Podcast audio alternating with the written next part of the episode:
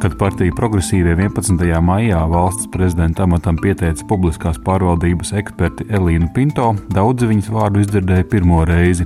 Tomēr viņai publiska aktivitāšu Latvijā nav trūcis. Pēc Jāgaunas vidusskolas absolvēšanas 1999. gadā un studijām Latvijas Universitātē un Eiropas starpuniversitāšu centrā viņa iesaistījās Tiesību sarga biroja izveidē un tajā vadīja cilvēktiesību departamentu. Turpmāk sekojusi darbība aiz valsts robežām Eiropas Savienības padomus ģenerālsekretariātā, Eiropas ārējo attiecību dienestā, kā arī par Eiropas komisijas ģenerālsekretāra vietnieka padomnieci starptautisko krīžu risināšanas, NATO un drošības politikas jautājumos.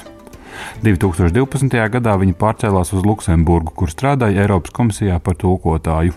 No 2014. gada aktīvi darbojās arī Eiropas Latviešu apvienībā, vadīja to no 2018. līdz pat pagājušajam gadam. Dažus no būtiskākajiem akcentiem piekrītot kandidēt Elīna Pinto nosauca intervijā Latvijas radio. Es šeit esmu, tāpēc, ka tas ir lēmums par atbildības uzņemšanos, par atjaunotās Latvijas neatkarības paudzi, kurai laiks uzņemties pilnu atbildību par Latviju.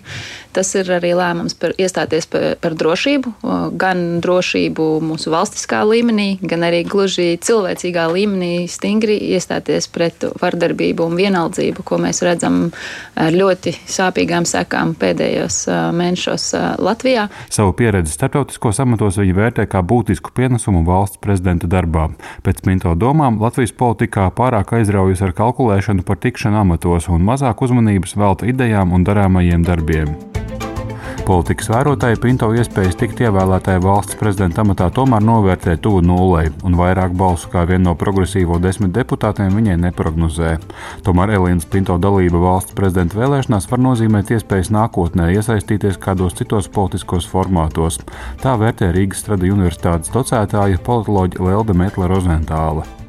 Protams, ka domājot arī uh, ilgtermiņā, es domāju, nu, jebkurš cilvēks padomā, ka tas ir gan kā labs ieraksts CV, gan arī teorētiski iespēja nākotnē, piemēram, pretendēt uz Eiropas uh, parlamenta deputātu vietu. Jāsaka, ka iespējams viņas arī nu, līdzinējā karjera ir vairāk, protams, bijusi saistīta tieši ar uh, starptautiskajām institūcijām un mazāk tomēr piesaistīta Latvijas realitātei. Pati Pinto gan intervijās, gan savā Twitter konta pieteikumā uzsver, ka ir neatkarīga kandidāta valsts prezidenta vēlēšanām. Iesaistīšanos kādā konkrētā partijā viņa nemin. Publiskās apspriedēs par valsts prezidenta kandidātiem izskanējis jautājums, vai ilgāku laiku ārpus Latvijas dzīvojošā Pinto būtu gatava ievēlēšanas gadījumā pārcelties uz Latviju. Viņas atbild uz šo jautājumu ir apstiprinoša. Plašāk par savu ģimeni viņa stāstīja 2020. gada 14. augustā Latvijas radio raidījumā ģimenes studija. Ģimenē kopā ar portugāļu izcelsmes Luksemburgas diplomātu Orlando Pinto auga trīs bērni, un Latvijā viņi pavada tik daudz laika, cik vien iespējams. Galvenais ir, lai tā sakņu sajūta, ko mēs saviem bērniem arī mēģinam dot, ka katru gadu mēs daudz laika pavadām Latvijā, tikpat daudz arī Luksemburgā un Portugālē, lai viņi var droši teikt, ka es esmu Eiropietis tādā veidā nav jāšķiro, kas viņa pasē ir rakstīts, kas viņš tieši ir.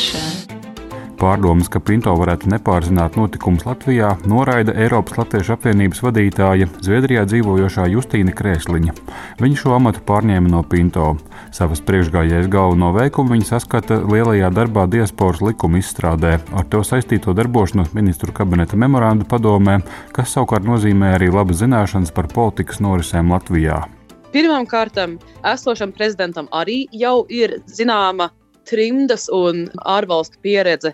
Mūsu ministru prezidentam ir, viņš arī ir ārvalstīs dzimis. Tā kā ja tikai tā pati parādība, ka, ka būtu trimdnieks vai, vai diasporas izcelsmes, tad tas arguments jau, jau ir sagrauts. Izstrādājot šo diasporas likumu, viņa jau ir pierādījusi, ka viņa ļoti labi pārzina arī to Latvijas, Latvijas posmu, Latvijas struktūras.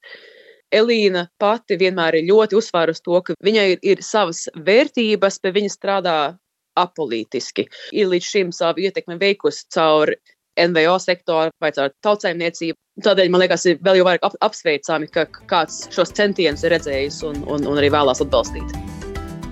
Diasporas likums stājās spēkā 2019. gadā ar mērķi stiprināt diasporas kā Latvijas sabiedrības daļas latvisko identitāti un piederību Latvijai, nodrošināt diasporai iespēju stiprināt saikni ar Latviju, kā arī sekmēt latviešu valodas un kultūras saglabāšanu diasporā.